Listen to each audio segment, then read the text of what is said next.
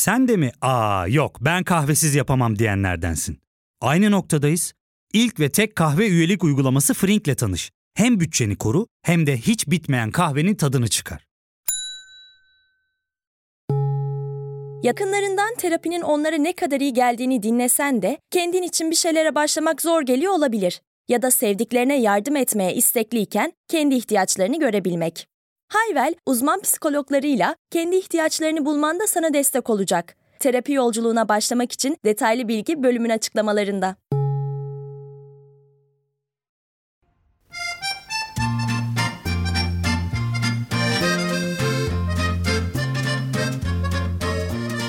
Efendim Yalın Alpay ve Gürman Timuran ile durumlara hepiniz hoş geldiniz. Bizi dinlemekte olduğunuz podcast uygulamasından durumları takip etmeyi eğer Spotify'dan takip ediyorsanız da şu küçük zile basmayı unutmayın. Yeni bölümleri asla kaçırmayın deyip Yalın Alpay oley diyorum. Yaşa Gürman. Gürman. Gürman isimlerimiz nasıl ilginç değil mi? Bak seninki böyle Gürman. Benimki Yalın. Estağfurullah tam aksine şöyle bak Yalın. Ve o senin arılığını, duruluğunu da yansıtan bir isim yani Yalın. Senin de böyle gümbür gümbür gelişini gerçekten. Evet Gürman biraz hacimli bir isim değil mi?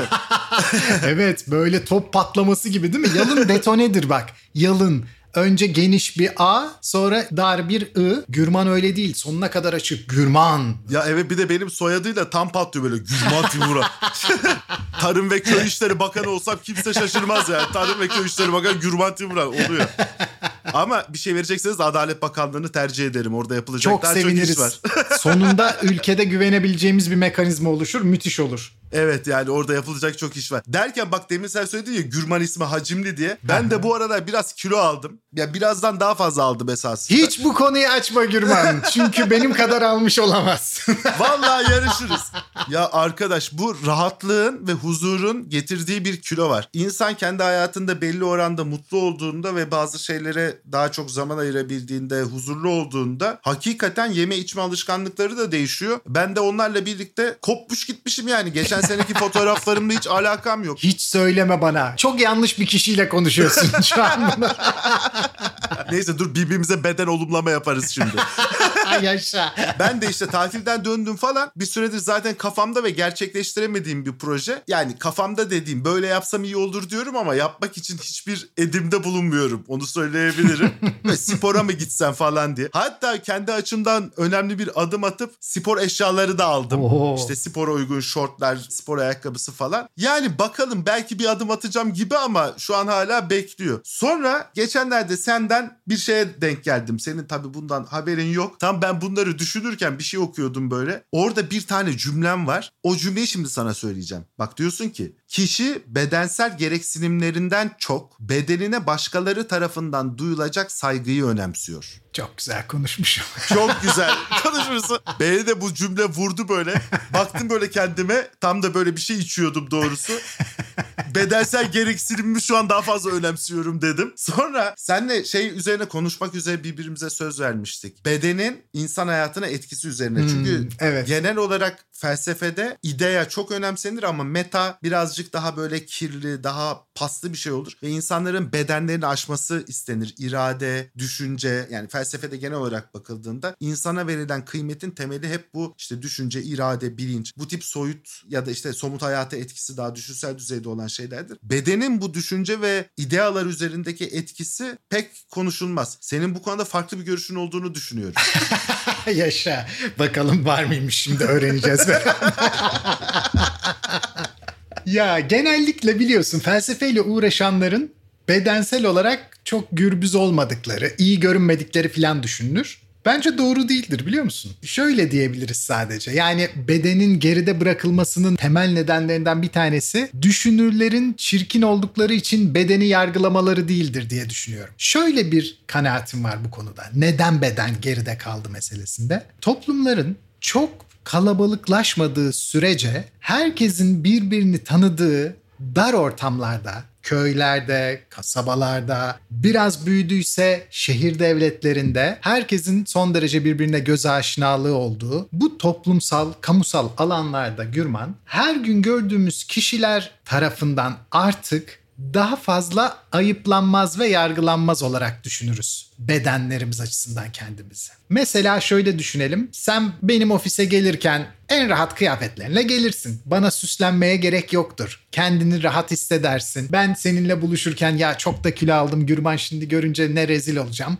demem. Birbirimizin yanında rahat ederiz ve birbirimizle görüşeceğimizde herhangi bir fiziksel kaygı, stres yaşamayız. Çünkü birbirimizi notlamışlığımız vardır ve bu uzun ya da orta bir geçmişe dayanmaktadır. Kolayca değişmez. Çok fazla radikal bir olayın olması gerekir ya da ufak ufak sürekli olayların değişiyor olması gerekir ki birbirimiz hakkında görüşlerimiz değişsin. Tam bu noktada bir şey diyebilir miyim? Lafını unutma Tabii. lütfen. Tam bu senin söylediğin sebeple Sparta'nın kurucusu Likurgos diyor ki bütün insanlar birbirini görüp alışınca, birbirlerinin bedenlerine de alışınca özellikle erkeklerde bedenlerini güzelleştirmek, güçlendirmek, kaslandırmak için bir çaba ihtiyacı ortadan kalkıyor. Çok doğru. Ben de benzer bir yere getirecektim evet. Bu azmi vermek için Sparta yasaları gereği her sene bütün erkekler toplanıyorlar ve kadınların önünde çırılçıplak geçit töreni düzenliyorlar. Müthiş. Kadınların bunları ayıplaması ve onların karşısına çıkınca biraz utanç duymaları için bu sayede Spartalı erkekler her sene biliyor ya karşıdaki başka erkeklerle birlikte o kadınların önünden çıkacak ve işte orada beğenilecek beğenilmeyecek falan rezil olacak. Hepsi daha fazla çalışıyorlar tabii ister istemez.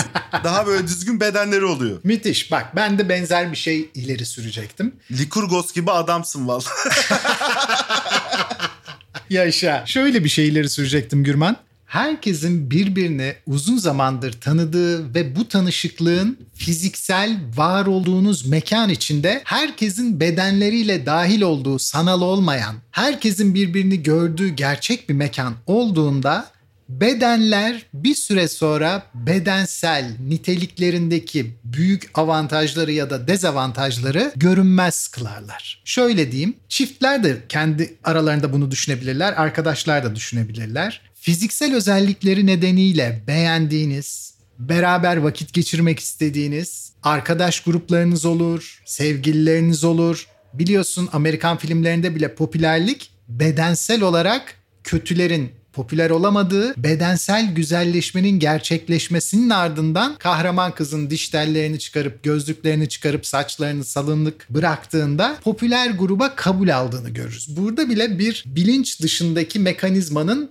dışa vurulumu atılımı vardır. Şöyle yorumlamaya çalışıyorum bunu. Bedensel olarak sürekli birbirimizi gördüğümüzde bu sevgilimiz olduğunda dahi başlangıçtaki motivasyonlar yavaş yavaş gerilemeye başlar. Bize kusursuz görünen dişler bir süre sonra ya görünmez hale gelir ya üzerindeki küçük kusurlar görünürleşir. Köşeli çeneler bir süre sonra orada herhangi bir köşe yokmuşçasına değişir.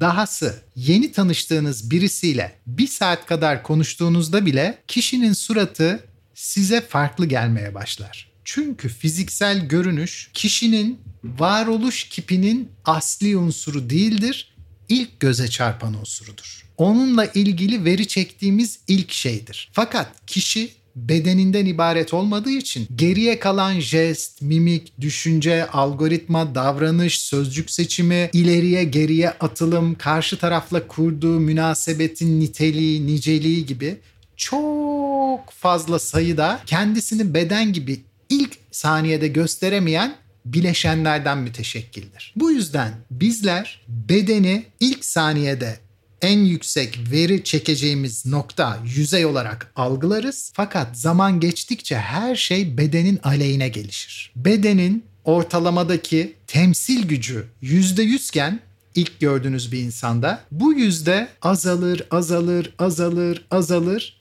ve muhtemelen çoğunlukla %25'in altında bir yere iner. Bazen aşırı indiği de söz konusudur.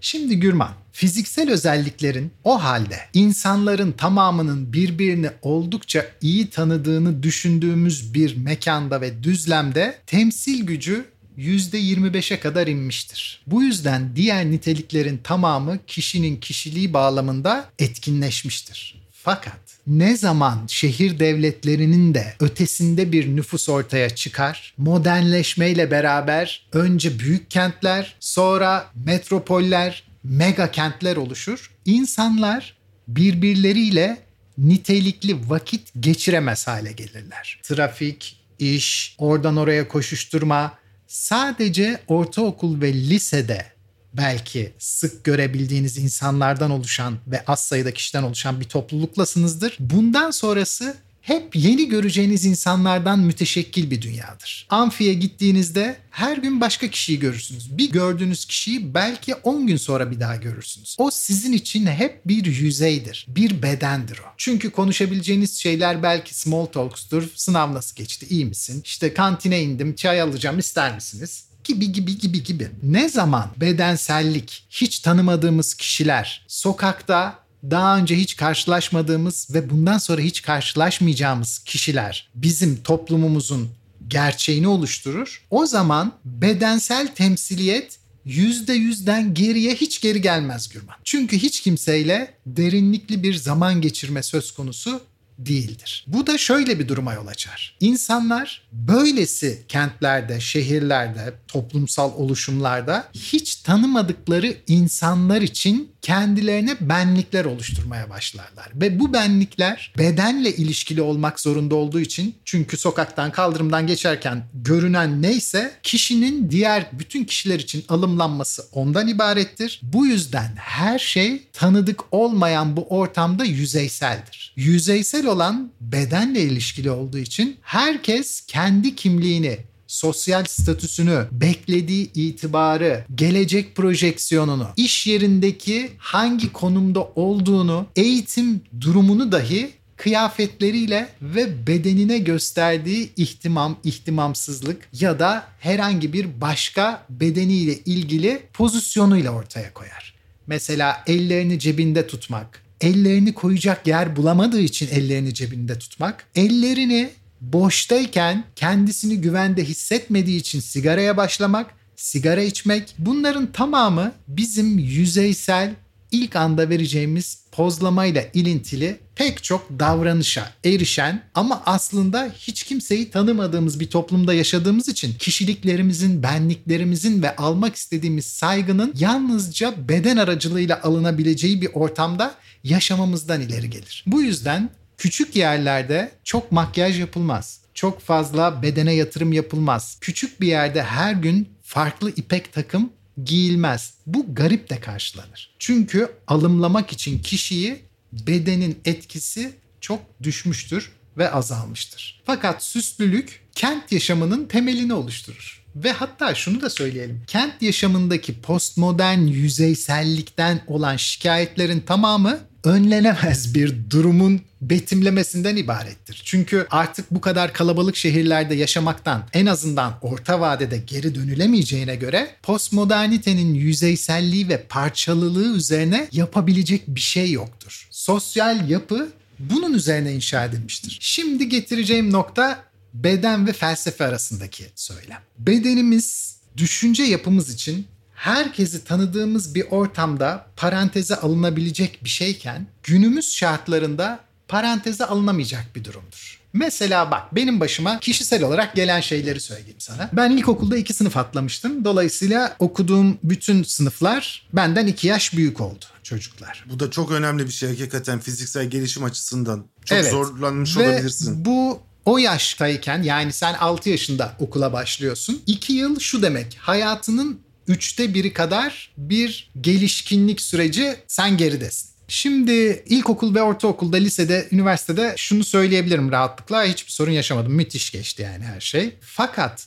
iş yaşamında oldu Gürman. Üstelik de 30'lu yaşların başına kadar aşırı genç göründüğüm için yani yaşımdan da çok daha genç göründüğüm için fakat zihni yeteneklerim yaşımın ötesinde olduğu için çalışkanlığım da öyleydi. Çok hızla yükselen işteki konumum her toplantıda sorgulandı. Mesela çoğu toplantıda hatta her toplantıda diyebilirim. Her toplantıda masaya oturulduğunda bedenim yüzünden geride kaldığım hissiyle toplantılara katılırdım. Ve zaman zaman şöyle şeyler sorulurdu. Yalın Bey katılmıyor mu? Yalın Bey benim. Maalesef. Kart değiş tokuşu yapılır masalarda. Herkes kartını birbirine ittirir. Kartı itelediğinizde ve kartın üzerinde yazan işte oradaki konumunuz filan açığa çıktığında hemen suratınıza bakılır. Ne kadar gençsiniz. Siz denmesi gereken pozisyonda senle karşılaşma olasılığınız yükselir ve pazarlık gücünüz azalır. Bu yüzden masada başlangıçta daha ağırlık koymanız ve masayı bir şekilde etkilemeniz gerektiği hissiyatıyla dolarsınız. Çünkü diğer türlü hak ettiğiniz pozisyondan daha küçük bir pozisyonla alımlanmış oluyorsunuz ve bu sizin iş yapma pratiğinizi negatif etkiliyor. Sizi konumunuza layık görmüyor bedeniniz yüzünden. Genç bir beden bu beden bu konuma olamaz. Bu yüzden şimdi sana komik bir şey diyeceğim. Ben 24 ile 30 yaş arası çok süslüydüm. çok şık, aşırı şık giyinirdim. Çok fit, çok böyle en pahalı şeyler. Bütün erkek moda kitaplarını tekrar tekrar okurdum ki ve beni daha yaşlı gösterecek, olgun gösterecek renklere, modellere, kesimlere de dikkat ederdim. Buna rağmen her masaya oturuşta bir problem yaşardım. Bak yıllar sonra çok ilginç bir şey oldu. Bunu bir kişi keşfetti biliyor musun? Okan Bayülgen keşfetti. Şöyle bir şey oldu. Öyle mi? Evet bu çok ilginç. Biliyorsun bizim onunla bir dostluğumuz, arkadaşlığımız var. Beraber bir şeyler de yapıyoruz. Bir cumartesi günü, bir 6 ay kadar önce filan hem de. Bir cumartesi günü sabah İbrahim Selim'in programına bakayım dedim. Okan Bayülgen konuk. bir baktım benden konuşuyorlar. Okan abi dedi ki işte çok güzel şeyler söyledi. Çok teşekkür ederim bir kez daha. Çok güzel şeyler söyledi, söyledi, söyledi. Ve dedi ki yani yalın yürüyen bir beyin. Sanki beden yok. Bir beyin var sadece. Ve beden beyninden sonra geliyor ve esrik bir beden. Yani diyor ki zihni şöyle yapacağım, böyle yapacağım, böyle falan diyor. Ama bedeni sanki ya öyle de yapmayayım gibi. Bedeni zihniyle daha çelişkili ve daha geriden geliyor gibi. O kadar doğru ki. Tabii ona söylememiştim aslında bunu müthiş bir tespit yaptın diye. Burada şimdi sana söylüyorum. Hı. Şundan diye düşünüyorum Gürman. Her toplantıda en azından 6-7 yıl boyunca bedenimin açıklarını en azından toplumsal alımlanmasının genç olduğu için önemsenme sırasında kendi pozisyonuyla denk gelmeyen bir beden algısıyla karşılaşıldığı için onu aşmak adına bedeni hep daha fazla aşacak şekilde performans yapmak zorunda kaldım. Bu çok yorucu, sıkıcı ve yıldırıcı bir işti. Çünkü her toplantıda başka birileriyle karşılaşıyorsun ya. Daha önceden karşılaştığın kişileri zaten etkilemişsin artık tanıyorsunuz birbirinizi. Her seferinde sahne bir daha açılıyor. Bir kez daha evet, bir maç başlıyor maalesef. değil mi? Evet. Aynen böyle. Ve bir yerden sonra bu iş sıkıcılaşmaya başlıyor. Artık her seferinde kendini bedeninin gençliğini aşarak tekrar ispatlamak zorunda kalmak hani bu garip bir durum. Bunun her insanda olduğu gibi çok uzun süre yapıldığında zihnin ve bedenin bazı melekeler kazanmasıyla yerleşmesi söz konusu olabiliyor. Bugün artık böyle bir meselenin kalmadığını düşünüyorum. Fakat Okan abi o kadar iyi bir gözlemci ki benim başkaları tarafından çok da fark edilmediğini düşündüğüm bazı küçük ayrıntıları yakalayabildiğini görüyorum. Ve bu da şunu düşündürtüyor bana. Demek ki beden ve zihin arasındaki ilişki tekrar tekrar kurgulanabilir. Kurgu o kadar şiddetle yapılabilir ki sonrasında siz başka kurgu yaptığınızda dahi hala bazı tortuları geride kalabilir. Şimdi bu yüzden mesela şunu da söyleyeyim. Podcast çekmekle video çekmek arasında da bir fark var. Sen de hissediyorsundur bunu. Tabii. Bedenin işe dahil olması veya dahil olmaması arasında ciddi bir farklılık var. Podcast kesinlikle çok daha kolay. Elbette. Çünkü bedenin bir şeye hazırlanması, yer değiştirmesi, terlemeye elverişli bir ışıklar ortamında kalması, çekim sırasında yalnız kalamama, çekim ekibinin orada bulunması, pek çok stres, bedenin var olduğu için etraftakilerden alımladığı o bütün veri kendisini çekim çekimlerde gösterirken podcast'te göstermiyor. Şimdi şöyle bir yere getirmeye çalışacağım Gürman. Bedenden biraz bahsettik. Şimdi biraz daha derinleştirmeye çalışacağım bedenin yüzeysel alımlanmasından bahsettik şu ana kadar. Hı hı. Bir de bedenin derinlemesine duyumsanması var. Yani bedenin içinde yaşayan kişinin kendi bedeniyle kurduğu derin ilişki. Nedir peki bu derin ilişki? Çünkü beden sadece başkasının gördüğü bir şeyden ibaret değil. Aynı zamanda benim içerisine hapis kaldığım ve bedenimin dışındaki bir şeyi düşünce gücüyle hareket ettiremediğim bir sınırlanmışlık dünyası orası. Ve bu beden sinirleniyor, kendini rahat hissediyor, mutlu oluyor, üzüntülere gark oluyor, yaralanabiliyor, acı çekiyor, bazı özelliklerini yitiriyor, yeni özellikler kazanabiliyor. Ve bunların tamamı Gürman tıpkı podcast çekmekle YouTube'a video çekmek arasında veya bir televizyonda video çekmek arasında bedenin olaya dahil olması yüzünden nasıl bir farklılık yaratıyorsa bedenimizin normal hayatımız içindeki bütün etkilenimleri, konumu, pozisyonu her düşüncemizi, her duygumuzu doğrudan etkiliyor. Beden bir veri çekicisi, duyu alımlayıcısı ve duygu oluşturucusu bir mekanizmayla bizi varsayımlarla, verilerle ve amaçlarla donatıyor. Zihne kalan şey bedenin bu içine bırakıldığı, içine düştüğü, içine zorla fırlatıldığı ya da bilinçli olarak konumlandığı yeri meşrulaştırmaya, ya da bulunan yerden kurtulmaya veya bulunan yeri sağlamlaştırmaya ya da bulunan yerden birkaç aşama daha konforlu alana atlamak için çözümler, öneriler üretmeye başlıyor. Yani zihin çoğunlukla bedenin emrine verilmiş bir meşrulaştırıcı olduğunu düşünebiliriz. Mesela Gürman, harekete geçme konusu, eylem konusu. Arı rasyonelitenin bizi harekete geçirmişliği yoktur. İnsanlar bir meseleyi felsefi olarak çözüp, çözümleyip bir düşüncenin peşinden tutkuyla eyleme dökülecek şekilde koşmazlar Gürman. İdeolojiler, davalar için bazen böyle düşünür fakat kesinlikle böyle değildir. İdeolojiler ve davalar tutku, duygu işleridir ve bedenin pozisyonlanmasıyla ilintilidir. Şöyle demek istiyorum. Mesela insanlar davalara ya da ideolojilere çok genç yaşta atılırlar ve bu genç yaştayken henüz rasyonel çekimleri, verileri, onları işleme kapasiteleri çok düşükken bunları gerçekten böyle düşündükleri için, arı rasyoneliteleri böyle söylediği için yapmazlar. O davadaki, ideolojideki bedenleri, ihtirasları, tutkuları, saygıları, orada oluşan enerjiyi severler. Bir kişiyle özdeşleşir, bir durumla özdeşleşir. Son derece romantiktir. Bedene ilişkindir.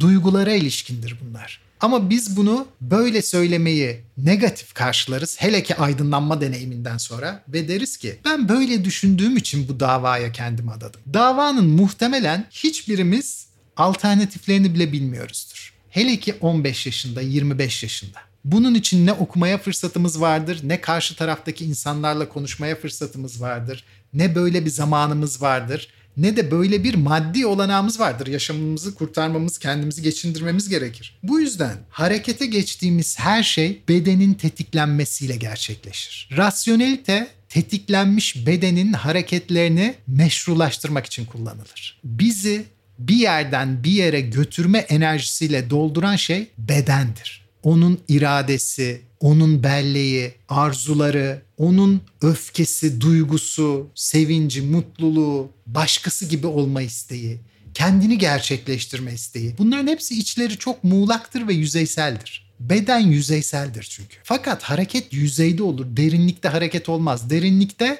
kargaşa olur Gürman. Ve beden kendi bedenimizle bir tek derinlemesine ilişki kurabildiğimiz bu beden karanlıklarını bir tek bize açar. Başkasının bedeninin karanlıklarını bilmeyiz. Sadece kendi bedenimizin karanlıklarından haberdarızdır. Bu yüzden başkalarının motivasyonlarını da hep kendi motivasyonlarımızla benzer olarak algılarız. Bu doğru değildir. Ama başka türlü algılamamıza imkan yoktur. Bizim bedenimizin durduğu pozisyon neyse bakış açımız odur, algımız onun bize sunduğu tayfın içindedir. Bize başkalarının ilk görünen yüzeyimiz beden olduğumuz için özellikle metropol kentlerinde bedenimizle yargılandığımız için bedenin içine de yatırım yapmak yerine dışına yatırım yaparız. Fakat bedenin içi bizim doğrudan alımladığımız bir yer olduğu için bütün düşüncelerimizi etkiler. Bu etki Gürman genellikle negatiftir. Nadiren pozitif etki alırız bedenimizden. Neden? Çünkü beden çok hızlı bir şekilde kendisini göreceli bir dünyanın içinde olarak tartar. Mesela yeni bir konum mu edindiniz? Beden orayla ilgili sadece kısıtlı bir dönem için mutluluk üretir. Oradan memnuniyetini, sevincini kısa bir süre için mutluluk enerjisi olarak sizle paylaşır ve sonrasında orayı yeni normal olarak algılar. Mesela bu olumsuz için de böyledir. Türk siyasi dönüşümlerinde özellikle son 20 yıla bakalım mesela ki Türkiye'de çok fazla değişim oluyor. 20 yıl içinde pek çok şey ağır ağır yapıldığı için 20 yıl önce ya böyle bir şey olur mu denilen çoğu şey bugün adım adım gelindiğinden ve bu gelim sırasında yoğun bir toplumsal şiddet gösterilmediğinden şiddet sınırlı etnik gruplarla ve kimliklerle sınırlı kalıyor. Bazı meslek gruplarıyla giderek artıyor onu da görebiliyoruz. Fakat topyekün bir şiddet henüz yok. Umarım olmaz da. Böyle olunca adım adım yeni normal tekrar beden tarafından tanımlanıyor ve yeni normalden yeniden birazcık taviz alındığında tekrar beden hafif bir mutsuz oluyor. Fakat o tavize yeniden bulaşıyor ve tavizi veriyor ve tekrar zihin bedenin bu yeni konumuyla uyumlanıyor. Ona uygun yeni mantıksal üretimler yaparak ciddi bir karşı koyuşu engelliyor. Demin ne demiştik? Zihin eyleme geçmez. Zihin bize neyin neden olduğuna dair bazı açıklamalar yapabilir ya da kendi hatalarımızı, tutkularımızı, arzularımızı, harekete geçiş nedenlerimizi akılsalmış gibi göstermek için meşrulaştırır. Çok nadiren akılla çizilmiş bir pozisyonu takip ederiz. Hatta şöyle diyeyim, akılla çizilmiş pozisyonu insanın kendisi takip etmez de başkalarına zorla takip ettirtebilir. Benim aklımla çizdiğim şeyi başkasına zorla takip ettiririm. Fakat kendi aklımla çizdiğim şey aslında benim bedenimin tutkusudur. Ben bedenimin tutkusunu başkasına benim tutkumu takip edin diye pazarlayamayacağım için onu bir dava, bir ideoloji, bir rasyonelite olarak pazarlarım ve o zaman kitleler bunun için ben o kişi için savaşmıyorum ki bir yüce dava için, ideoloji için, rasyonelitenin kendisi için mücadele ediyorum der veya buna zorlanır. Zorlanma nasıl olur? Bedene baskı yapılarak. Bedene nasıl baskı yapılır peki Gürman? Ağır vergilerle olabilir. Daha çok çalışman gerekecektir. Seni hapse atma riski oluşturabilir. Seni çok konforlu bir hayatla motive edebilir. Bak bunların tamamı bedenle ilişkilidir. Seni cinsel şekilde motive edebilir, zenginlikle motive edebilir, bütün gün çalışmadan rahat yatacaksınla motive edebilir. Sana herkes bedenine hayran olacak. Öyle bir pozisyona oturacaksın ki, öyle bir başkanlığa oturacaksın, müdürlüğe oturacaksın, koordinatörlüğe oturacaksın ki senin bedenin görünmezleşecek. Senin bulunduğun koltuk senin bedeninin bizatihi kendisi olacak. O beden artık o koltuğun gücüyle yüzeyselliği de geride bırakacak çünkü seni herkes o koltuk olarak görecek. Sen sadece seni daha önce hiç tanımayan kişiler için bir bedensin. Bu yüzden bedensel özelliklere en çok dikkat edenler kendilerini henüz başkalarının gözünde topyekün bir insan olarak ortaya koymamış, sadece birbirlerine bakarken, yan yana geçerken, iş yaparken birer beden olmanın henüz ötesine geçmemiş kişiler için geçerlidir. Ya fark ettin mi? Biz en çok kahveye para harcıyoruz. Yok abi, bundan sonra günde bir. Aa, sen Frink kullanmıyor musun? Nasıl yani? Yani kahvenden kısmına gerek yok. Frink'e üye olursan aylık sadece 1200 TL'ye istediğin çeşit kahveyi istediğin kadar içebilirsin. Günlük 40 TL'ye sınırsız kahve mi yani? Çok iyiymiş. Aynen. Hatta şu anda 200 TL'lik bir indirim kodu da var. E hadi hemen indirip üye ol da bu fırsatı kaçırma. Terapiye başlamak, içinden çıkamadığın döngüleri kırmak, bazı yanlış bulduğun kararlarını değiştirmek ve kendinle beraber daha huzurlu bir yaşam inşa etmek için atabileceğin en değerli adımlardan biri. Hayvel ile yoğun yaşam tempona uyum sağlayarak online terapi seanslarını takvimine göre ayarlayabilirsin. Bini aşkın uzmandan sana en uygun terapisti seçebilir, podb10 koduyla indirimden yararlanabilirsin. Detaylı bilgi açıklamalardaki bağlantıda. Neden herkes ünlü olmak ister Gürman? Çok ilginç bir nedeni var bence biliyor musun? Eğer ünlü olursanız her gün bedenen en fit durumda olmak zorunda kalmayacağınız için. Sizi ilk gören kişi sizin herhangi bir performans yapmadan sizin kim olacağınızı bileceği için mesela şunu söyleyeyim. Ünlü olmakla itibarlı olmak arasında ciddi bir fark var. Tabii. Bir insan çok ünlü olabilir fakat bu ünlülükte saygınlık var mıdır yok mudur? Ciddi ve araştırılması üzerine düşünülmesi gereken bir konudur. Hatta bir konuşma yapabiliriz bunun üzerine sonradan. Çok iyi olabilir diye düşünüyorum. İnsanlar sadece ünlü olmayı bile isterler. Çünkü sadece ünlü olmakta bile kendin artık yoldan geçen tek bir yüzey olmaktan kurtulursun ve daha önceden görülmüş, bilinen bir yüzeye dönüşürsün. Saygınlık da buna eklendiğinde ise bedeninle olan ilişkin daha da azalmıştır. Senden artık müthiş bir beden beklentisi yoktur. Çünkü bedeni temsilin senin artık düşmüştür. Bak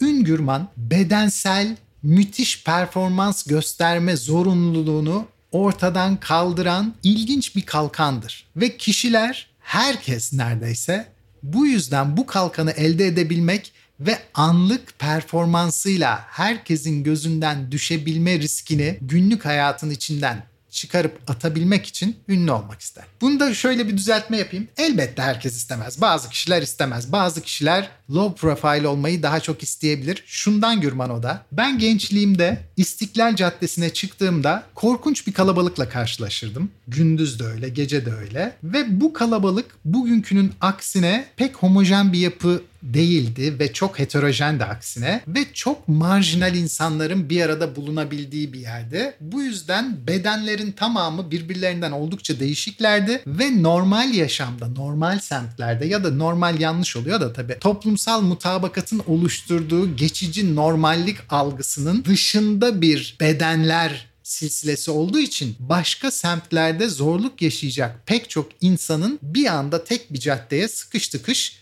doldurulmasından oluşuyordu ve bu bedenler kendilerini yargılanmadıkları için çok özgür hissediyorlardı. İstiklal Caddesi'nde şunu hissederdim hep. Ben burada çok rahat ediyorum çünkü burada görünmezim. Ya bomboş bir caddede rahat edebilirim ya da çok kalabalık bir caddede derdim. Çünkü ikisinde de hiç kimse dikkatini size yönelterek size bakmaz. Az kişinin olduğu caddelerde ise genellikle özne olarak herkesin yargısına açılan birer nesneye dönüştürülürsünüz ve başkasının yargısı atmosferdeki enerjiyi etkiler. Bu şu anlama gelir. O zaman hep bedenime çok dikkat etmeliyim. Hep çok dik yürümeliyim. Çok şık giyinmeliyim. Mis gibi kokmalıyım. Etrafa poz kesmeliyim. Çünkü ben bir yüzeyim artık. Ve bu yüzeyin yargısını oluşturacak yer başkası, ötekisi. Bundan kurtulmak için bedenin askıya alınması ya sizi kimsenin görmemesiyle ya da sizi görecek kimsenin olmamasıyla mümkündü. Bu yüzden mesela İstiklal Caddesi herkesin deşarj olabileceği çok güzel bir alandı. Bedeninden herhangi bir yüksek sorumluluğun olmadan, performans zorunluluğun olmaksızın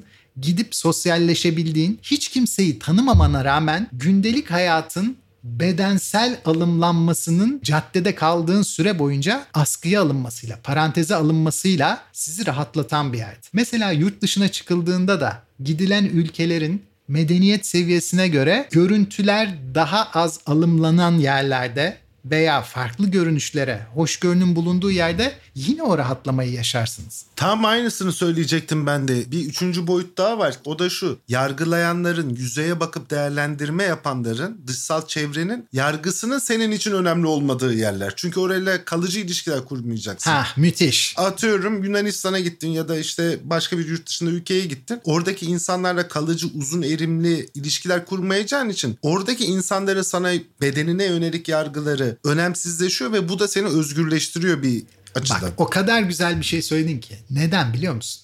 İşte beden kişiye ne düşüneceğini, ne hissedeceğini bu kadar tepeden dikte edebilen bir varlıktır ve bu varlık konumsaldır. Bulunduğu konuma, ona bakan kişilerin bakış niyetlerine, içinde bırakıldığı ortamın konforlu olup olmadığına, tehdit altında olup olmadığına, sevilip sevilmediğine, yüceltilip yüceltilmediğine göre bambaşka bir zihne servisler üretir. Bu yüzden Gürman zihin bundan sonrasını bedenin kendisine ilettiği verilerle inşa edeceği için felsefede beden zihni önceler. Bizler düşündüklerimiz olmaktan çok bedenin bize düşünmemize olanak tanıdıklarına yakınızdır. Arı bir şekilde her şeyi baştan düşünüp kurgulayıp muhteşem bir rasyonellik içerisinde bir evren inşa etmek olanaksızdır. Bu ancak postümanizm gibi bir dönemde hepimizin zihni bilgisayara yüklenirse ve bedenler ortadan kalkarsa o zaman mümkün olabilir. Şu anlık değildir. Bedenin bütün gereksinimleri, bütün zaafları, bütün avantajları neyi var neyi yoksa üzerinde kurulan baskıdan onu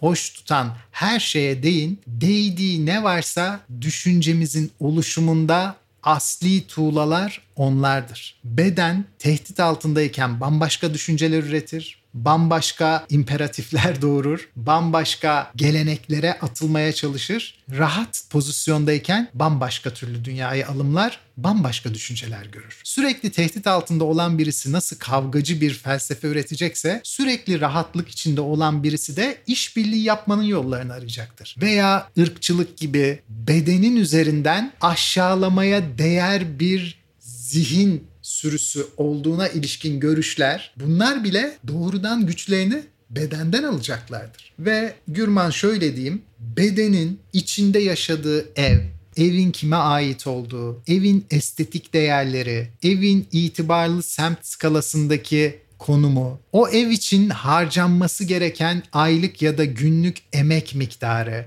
onun için ne kadar bedenin zorlanarak çalışıp çalışmayacağı, içeri aldığınız kitapların dizilimi, dağınık bir masadan iyi düşünce çıkmaz mesela. Çalışma masası benim için söylüyorum. Her bedenin gereksinimi belki farklıdır. Çalışma masam karışmışsa benim zihnim orada iyi ürün çıkartmaz. Masa çok tertemiz olmalıdır kitabın altını yamuk yumuk çiziyorsam zihnim bir miktarıyla yamuk yumukları edit edip onları düzmüş gibi yapmaya çalıştığı için CPU'mun etkisi azalır. Ciddi söylüyorum. Bu yüzden çok dikkatli ve düz çizerim ki zihnim bunları atlasın. Her seferinde başka renk kalemle çizmem. Çünkü o zaman zihnim yeniden yeni bir şeyle karşılaşıyormuş gibi düşünür. Bunlara zaman ayırır. Bunlar bedenin alımlama sırasındaki yaşadıklarıdır. Ama Gürman kitap okumak için bazı fiziksel konfor alanları gerekir. Yani amuda kalkmışken iyi kitap okuyamazsınız. Metrobüste giderken iyi kitap okunmaz. Metrobüsteyken hınç dolu bir insana dönüşürsünüz. Felsefenizden tutun da siyasi görüşünüze, ekonomik görüşünüze göre her şey değişir. Ama metrobüsten inersiniz. Bir restorana gittiniz diyelim hoş bir orta sınıf restorana gittiniz. Orada bir anda kendinizi tekrar değişen düşüncelerle bulursunuz. Birisi size hakaret eder, başka bir düşünce evrenine gidersiniz. Birisi sizi över, başka bir düşünce sistemine gidersiniz. Beden tıpkı bir paratoner gibi atmosferde olup biten her şeyi düşünceden önce alımlar ve düşüncenin üreteceği her şeyi ona önce serimler. Düşünce elinde ne var ne yoksa onu meşrulaştıracak şekilde ortaya bir rasyonelite koymaya girişir. Ona göre plan yapar, ona göre öveceği değerleri, yereceği değerleri ona göre ortaya çıkartır. Mesela bak çok dikkat et. Hipotetik söylüyorum yani bir örnek Hı-hı. düşünerek söylemiyorum. Çok dil bilen birisi hemen şöyle diyecektir. Almanca bilmiyor gelmiş bana Kant anlatıyor. Neden? Çok Kant okumamıştır belki ama kendini daha yukarıda göstermek için elindeki tool odur. Ben Almanca biliyorum o bilmiyor. O zaman ağırlığı Almanca bilmeye verirsem senin okuduğun Kant'ı boşa çıkartmış olurum ve Kant'ı tek anlayabilecek kişi iki kişi aramızda ben olmuş olurum. Henüz okudum mu okumadım ama olsun sen okudun ama boş çünkü Almancadan okumadın. Bir diğeri şöyle diyebilir. Fransız felsefesi bilmeden işte bu iş halledilmez. Niye? Sürekli Fransız felsefesi okuduğu için. Bir tanesi şöyle diyebilir mesela. Ve buna yani kendileri de inanmak zorundadır. Çünkü insan kendini değerli hissetmek ister. Değersiz olduğunu hissettiğinde bedenin ortalıktan yok olmak ister Gürman. Mesela bak utanç duygusunu düşünelim. Utanç anlarında biz ne isteriz? Yer yarılsa içine girsem. Kimse beni görmese. Hedef bedenim yani. Düşüncelerim değildir. Araba çarptığında bedenim o riskle karşı karşıyadır. Soygun olduğunda veya cinsel bir işte haz alındığında benim merkezde olan şeyim, dünya ile kurduğum ilişkinin reel olanı, gerçek bir karşılaşma hep beden aracılığıyladır. Düşünce türev bir evrendir. Bedenin karşılaştıklarını, onun yapabileceği atılımları kavramsal olarak düşünen, ona bedenin gerçeklikten taşıdığı ne varsa onları yorumlamaya çalışan bir türev. Bu yüzden Gürman felsefede de, hayata bakışta da, paradigmalarda da, sevgide, nefrette, öfkede beden tamamen önceliklidir. Mesela sen biraz önce konuşurken Atina'daki işte başınızdan geçenleri anlatırken şöyle dedin. Nihan'la gidiyoruz işte bir sürü valiz Nihan'da her gün böyle başka kıyafetler ve bu benim çok hoşuma gidiyor demiştin. Çünkü o an ambiyansı oluşturan önemli bileşenlerden bir tanesi de ambiyans içindeki bedenlerin biçimleri ve sürekli olarak birbirini en kötü halleriyle gören, birbiriyle kurdukları ilişkide sürekli metrobüsün içinde olan, sürekli ev sahibinin onları evden atmak istediği bir ortamda olan, sürekli bedensel olarak tehdit altında olan bir çiftle sürekli olarak bedensel anlamda kendilerini yenileyebilecekleri, başka türlü ifade edebilecekleri, konfor alanları, güzellik alanları, estetik alanları açabilecekleri ortamlar olduğunda bizim karşı tarafla bedensel belleğimiz sürekli olumlu geçmiş hatıralardan oluşunca beden ben bu kişinin yanında hep iyi hissediyorum hissiyle doluyor. Diğer türlü birbirinize çok uygun da olsanız hep en stresli anlarda, en zorlu anlarda, hep dayanışmak zorunda kalınan negatif pozisyonlarda yakalandığınızda bir süre sonra o kişinin sizin bedeniniz tarafından alımlanması nerede sorun varsa bu beden hep oradaydı bu beden sorunun kaynağı olamaz mı hissidir. Bunu düşünce üretmez, bedeniniz üretir. Beden der ki bu ne ya? Bir sürü berbat hanım var. Hep kimle? Hep bununla. Bu berbat anılarda iki türlü sorun vardır. Bir tanesi ben onun gözünde hep küçüğüm. Çünkü hep berbat anlarda ben onunlayım. İkincisi o benim gözümde küçük. Çünkü nerede kötülük varsa bunu da hep gördüm. Hep ezilmiş, büzülmüş, itaat etmek zorunda kalan, kaçan, mücadele etmek zorunda kalan ya da bir beden bu. Bu yüzden Gürman başkalarına olan duygularımızda da etkilidir.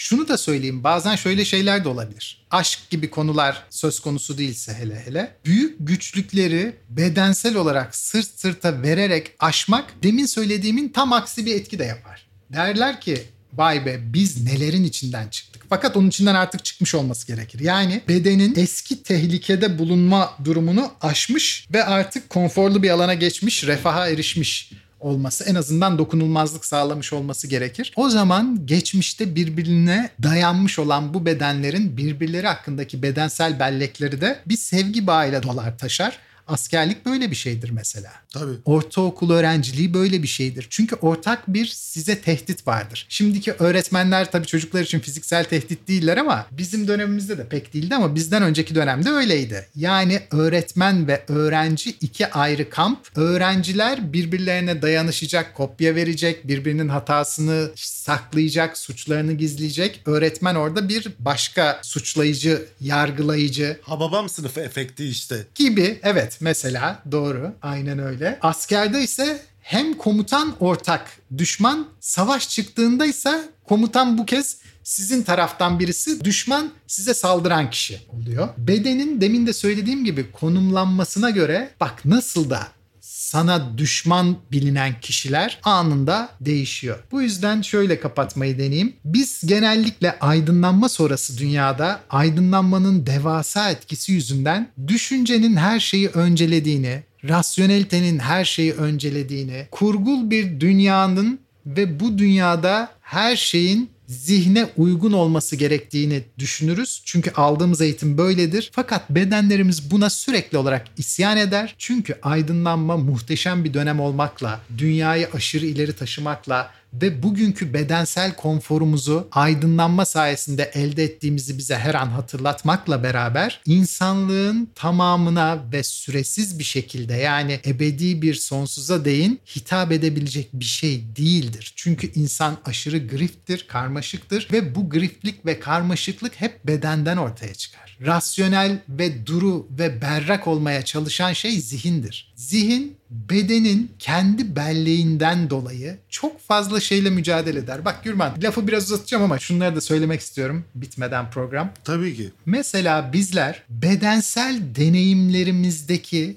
farklı sonuçlar yüzünden zihnimizin dumura uğradığı yapılarızdır. Bak şöyle demek istiyorum bununla. Başımızdan aynı isimde bir sürü deneyim geçer. Mesela yağmurda yürüme deneyimi olsun bu. Bazı yağmurda yürüyüş deneyimlerimiz olağanüstüdür. Müthiş romantiktir. Belki yanımızda kız arkadaşımız vardır, erkek arkadaşımız vardır. Sevgili bağlamında söylüyorum yani. Belki çok sevdiğimiz dostlarımız vardır. Belki tek başımızayızdır ve müthiş bir romantik yine ambiyans söz konusudur. Kendi başımızayızdır ve yüce bir ortam oluşmuştur. Çok memnun kalırız. Muhteşem gelir. Bazı yağmur durumları vardır. Sucuğa döneriz. iğrenç bir pozisyona döneriz. Bedenimiz yılmıştır. Her tarafı çamurdur. Kendini konforsuz ve tehdit altında hissediyordur. Bazı durumlar vardır. Tam bir iş görüşmesine gidiyoruzdur. Tamamen şıkır şıkır giderken yağmur bizi rezil eder. Şöyle düşünürüz mesela. Arabayla gelmediğimi anladı pazarlık payım düşecek. Çok çeşitlendirilebilir. Yağmur yağar, evinizi su basar. Bazı yağmurlar vardır, camdan dışarı bakmak olağanüstü gelir. Bir insan yaşamı boyunca yağmurla ilgili bu deneyimlerin tamamını atlatmış olabilir. Böylesi bir durumda bedensel bellek yağmurla yani aynı başına gelenle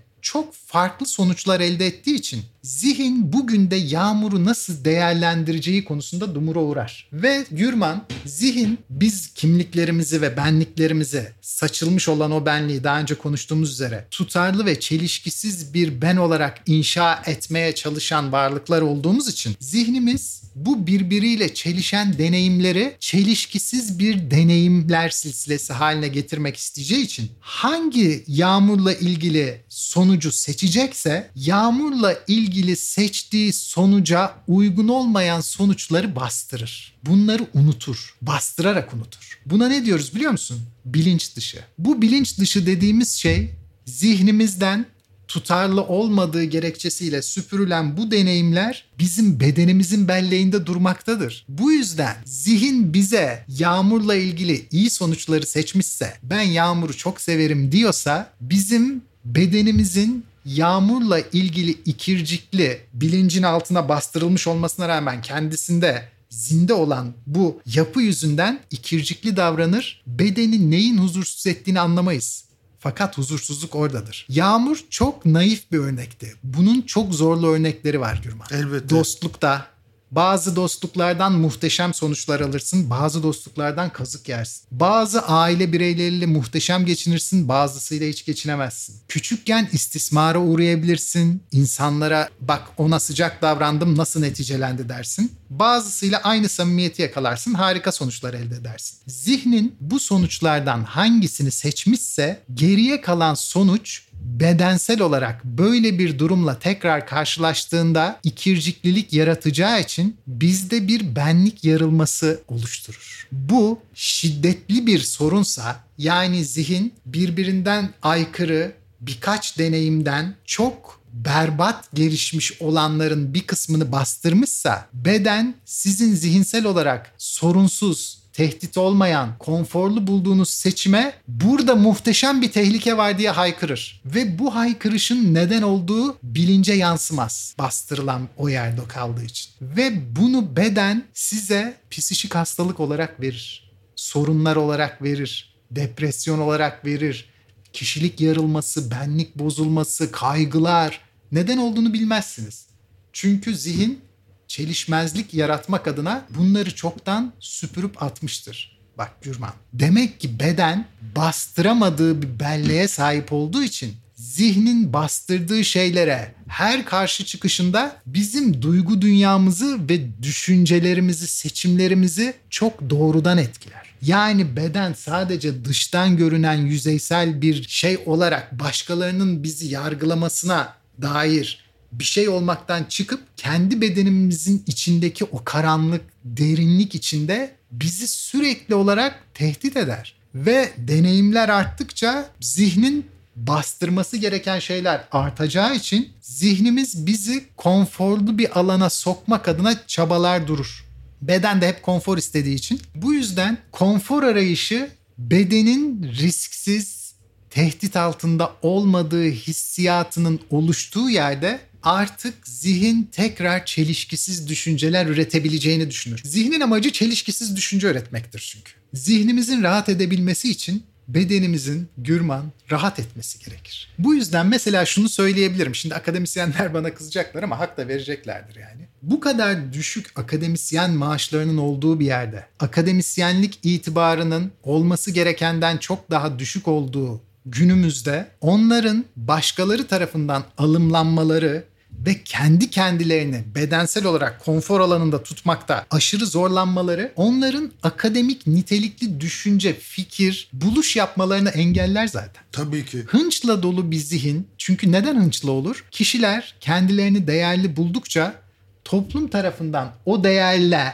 alımlanmadıklarını da hissettikçe topluma karşı bir hınç duymaya başlarlar. Bu hınç bedenden sızar ve kendi bedenimizden sızan şey ilk bizim düşüncelerimizi etkileyeceği için üreteceğimiz felsefe Hınç felsefesi olur. Hınç felsefesine gereksinim vardır. Ama herkesin de hınç felsefesi içinde olduğu, bütün düşünce insanlarının böyle yaklaştığı bir yerde artık düşünce hınçın içine sıkışıp kalır. Ne işbirliği kalır, ne yeni bir atılım kalır, ne başka görüş perspektifin ortaya çıkışı sağlanabilir. Hınç şu demektir. Bundan sonra benim dediğim olacak, senin dediğin olmayacak. Çünkü bundan önce hep senin dediğin oldu ve artık bu sona erecek bugünkü geldiğimiz kutuplaşmanın nedenlerinden bir tanesinin de bu olduğunu düşünüyorum. Düşünce insanlarının bedenlerinin konfor alanından çıkarılmış olmasından. Bugünkü düşünce alanının bu boşalttığı alan bedenleri konfor içinde olan ihalecilerin, belki teknoloji üreticilerinin, girişimcilerin, ticaret erbabının. Bunlar olmasını demiyorum tabii ki. Müthiş bunlar zenginliği gerçekleştiren reel unsurlar bunlar. Fakat bu zenginliğin paylaşımında reel unsur, türev unsurlara hiçbir transfer yapmadığında o zaman türev enstrüman dayanaksız ve farklılaşmaya elverişli olmayan yapılara sıkışıyor. Konuşmamın ortalarında demiştim ki hatırlarsan beden hayatla yüz yüze karşılaşandır, düşünce türevdir. Türev ortadan kalktığında geriye ne kalır? Hayvanlık kalır. Çünkü beden bir hayvanla eş olan bir şeydir. Hayvanın üzerinde bir tasarımsak eğer insanı bu tasarıma sürükleyen şey türev bir soyutlama yeteneğinin olmasıdır. Aydınlanmanın çok abartmış olduğu, o kadar abartılmasının bugünden bakıldığında garip göründüğü fakat o dönem için tabii muhteşem bir demiştim biraz önce de sıçrama yaptığı bu alan. Bizlerin türev evrenin bugünkü konuşmanın konusu şuydu aslında. Beden düşünceyi önceler fakat düşünceyi sıfırlandığı ve her şeyin bedene indirgendiği bir yerde hayvanların bir araya geldiği bir yerden farksız bir duruma düşer. Yani şuna da düşmeden konuşmayı kapatayım. Sandığımızın aksine aydınlanma felsefesi sonrasında bize dikte edildiği eğitimde sürekli öyle gördüğümüzün aksine düşüncelerimiz arı değildir. Bedenin uğradığı etkiyle yapılanır fakat bu da her şey bedendir demek değildir. Türev evrene gereksinimimiz vardır. Fakat olup biten sonuçta betimlemeye çalışırsak düşüncenin bedeni sonraladığıdır. Çok güzel ifade ettin Yalıncım. Buna çok Yaşasın. basit bir örnek de vereyim. Bazı insanlar şöyle düşünüyorlar. Her şeyin tek ve böyle beyazla siyah gibi bir cevabı var. Hayır öyle değil. Hayatta herhangi çok bir şey doğru. öyle değil. Her şey böyle başka tonlar içerisinde gidip geliyor. Çok basit bir şey. Immanuel Kant 3 gün boyunca aç kalsa bugünkü üretiminin yarısını bile yapamaz. Unu Thompson'un çok güzel Açlık diye bir romanı vardır. Belki okumuşsundur sen de. Tabii evet. Norveç edebiyatı. Açlık hissiyatını hisseden, onu gerçekten yaşayan bir insanın dünyaya bakış açısı ister istemez değişir. Dolayısıyla hani o akademisyenlere verdiğin örnek de çok güzeldi. İnsanların bedeni belirli bir konfor ve güven alanında değilse, belli rahatlığa ve sağlık imkanlarına sahip değilse, hatta kendisinin önemsediği gruplar tarafından bedeni takdir edilmiyorsa, aşırı çirkin bulunuyor, aşağılanıyor kullanıyor ya da işte başka şeylere maruz kalıyorsa. Ya metrobüse binmek zorunda kalıyorsa bu bedenin aşağılandığı anlamına geliyor yani. Yani evet o bu halde de düşünce ister istemez dediğin gibi gelişemez. Bir de senin söylediğin çok güzel bir şey vardı o aklıma geldi. Hakikaten büyük ideolojiler ve hatta dinler netice itibariyle insanların aklına değil bedenlerine seslenir. Balakan ırmaklar vaat eder. Değil mi? Dava mı açtıracaksın bize Gürman? Hayır canım yani Balakan ırmak Celal vaat eder. Şengör'ü açtılar biliyorsun yeni. Biliyorum biliyorum. Yani savcıya kolaylık diliyorum ben. Hazreti Musa'nın tarihsel olarak varlığını ispatlamak çok zorlu bir çaba. Yani bu dava vesilesiyle bunu yaparsa dünyadaki büyük üniversitelerden de büyük takdir bulacak yani. Yeni bir chapter açmış olacak. O savcı da bu dediğimizde bağlantısız değil biliyor musun? Yüzde yüz. Onun da kendi bedeninin bağlı bulunduğu koşullar ve o bedenin idamesinin devam ettirilmesi için, o bedenin idame etmesi için bu tip davranışlar sergilemek zorunda. Gürman bak müthiş bir şey söyledin. Şöyle söyleyeyim. Bedeninizi hangi grup daha çok kabul ediyorsa, kutsuyorsa ve önemsiyorsa sizin düşünceleriniz bir yerden sonra o grupla eşlenir. Mesela çok mu batıcısınız, çok mu Avrupa hayranısınız? Avrupa'ya gidersiniz, burnunuzu bir sürterler bir yıl içinde. Buraya Türkçe olarak dönersiniz. Çok mu dindarsınız? Dindar grup sizi aşırı seküler buluyordur. Ne biçim dindarsın kardeşim sen hiçbir şey yapmıyorsun. Sizi sürekli eleştiriyordur. Orada barınmazsınız. Sizi seküler bir insansınızdır. Sosyalist bir insansınızdır. kendi kabileniz, kendinize ait hissettiğiniz, düşünsel olarak ait hissettiğiniz kabileniz sizi yerden yere vurur, eleştirir. Karşı tarafta siz çok nitelikli birisiniz der. İnan bana grup değişir. Siyasetteki bu kadar hızlı yer değiştirmeler, düşünce dünyasındaki bu kadar hızlı yer değiştirmeler inan bana bedene verilen toplumsal hassasiyetin hangi toplum tarafından ne şekilde verildiğiyle çok ilintilidir. Çetin Altan'ın hayat hikayesi deyip şöyle parantez içerisinde bu senin söylediğin örneği tasdik etmek isterim. Necip Fazıl Necip Fazıl. Ya. Hakeza aynı şekilde. ki günümüzde kimler var hele siyasette? Ya kimler kimler bak bu bir saat daha bu üstüne konuşabilirim yani. Mesela bak şunu da söyleyeceğim. Millet zaman zaman şöyle diyor. Şunun kaseti var, bunu parayla satın aldılar. Size bir şey diyeyim mi? Bunlar mümkündür fakat muhtemelen gerçek olan telefon açılarak beyefendi veya hanımefendi sizi partinizde değerinizi bilmiyorlar. Siz müthiş birisiniz. Düşünceleriniz, dünya görüşünüz, ekonomi hakkında söyledikleriniz, hayata alımlayışınız, verdiğiniz röportajlar şahane. Keşke birlikte hareket edebilsek. Keşke bizim partide devam etseniz. Bu o kadar etkili bir söylemdir ki ve baş düşman olarak gördüğünüz partinin lideri bile bunu söylese muhtemelen bedeniniz aşırı etkileneceği için duygusal olarak buraya geçmek için çok ciddi bir nedeniniz var demektir. Biraz önce ne demiştik? Düşünce değil beden harekete geçirir. Yaşam enerjisi düşüncede yoktur. Bedenin bizatihi kendisinde vardır. Ve o bedenin duyusal, duygusal, saygısal, itibarsal olarak olumlandığı yer iki tarafta birden olumlanıyorsanız düşüncenizle uyumlu olan yerde kalmayı tercih edersiniz. Fakat kendinize ait hissettiğiniz yerde hiç de hoş karşılanmıyorsanız, rakip olarak görülüyorsanız, tam da o sırada sizin düşünsel olarak karşıt olduğunuz grup sizin ne kadar önemli bir cevher olduğunuzu tekrar tekrar söyleyip sizi kucaklamaya hazır bir pozisyon gösteriyorsa bunun numara olduğunu bilseniz bile bedeniniz buna hemen ikna olur ve zihniniz bedeninizi meşrulaştırma ödevinde olduğu için meselenin başka bir rasyoneliteye dayandığını bile bile bedeninizin motivasyonuyla o tarafa geçersiniz. Günümüzdeki siyasi, ekonomik yer değiştirmelerin, akademik yer değiştirmelerin çoğunda bu duygusal kabul edilme ve kendi topluluğunun önemli bir figürü olarak kabul edilme bedensel anlamda, konumsal anlamda çok kıymetli. Bunun nedense Türk basınında hiç anlaşılmadığını düşünüyorum. Çok haklısın gerçekten. Buna da bir örnek verebilirim. Amerika'daki muhafazakarlar arasında Trump ilk aday olduğunda Trump dalga geçiren adamdı. Şimdi Amerika'daki bütün muhafazakar siyasetçiler Trump'a yaranmak, onun tarafından destek görmek istiyorlar. Çünkü Trump'a karşı bulundukları ortamda Trump'la mücadele ederlerse ya cezaya uğruyorlar ya kendi seçmen tabanlarını kaybediyorlar ya hakarete uğruyorlar. İşte Mike Pence'e asın diye 6 Ocak'ta kapının önünde gezindiler. Dolayısıyla ilkeli bir duruş diyorsak eğer o ilkeli duruşu mümkün kılan şeylerden bir tanesi de bedenin huzurlu ve konforlu olmasıdır. İşkence altında hiç kimse hangi hikayeyi anlatırlarsa anlatsınlar işkence altında kimse çok ilkeli bir şekilde duramaz. Durmaması Çok da doğru. gerekir. Efendim bedenlerimize sahip çıkacağız. Biz de kilo verelim bari yalın ya. Bu kadar çok ikna ettin beni şu an yani. Böyle göbekle böbekle bu olmuyor. Yüzeysel alanımı birazcık daha güzelleştirmem lazım. Asıl benim ah ah. Bedenimize biraz hiç sevmediği şeyler yaptırıp işkence çektirip toplumdan gelecek takdir duygusuyla kendimizi motive edelim. Ne yapalım yani? ben hiç mekik çekmek istiyorum. Mekik çekmeyi çok seviyorum diye bir beden duymadım yani ama. Sevgili Yalın Alpay'ı Twitter ve Instagram'dan yalın.alpay adresinden takip edebilirsiniz. Naçizane bana da gürman.timran adresinden ulaşabilirsiniz. Bölümle ilgili görüş ve önerilerinizi, muhteşem feedbacklerinizi, fikirlerinizi, varsa konu önerilerinizi duymayı, dinlemeyi çok isteriz. Efendim esen kalın, bedenlerinizde mutlu kalsın, bedenlerinize iyi bakın, okşayın, sevin onları. Aferin beni bedenime değil. bay bay. Bu bedeni alıp çekip gidiyorum ben.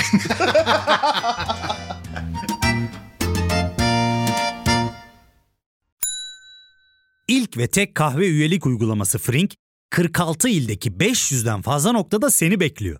Açıklamadaki kodu girerek sana özel 200 TL'lik indirimden faydalanmayı unutma. Hadi sen de Frink üyeliğini başlat, kahven hiç bitmesin.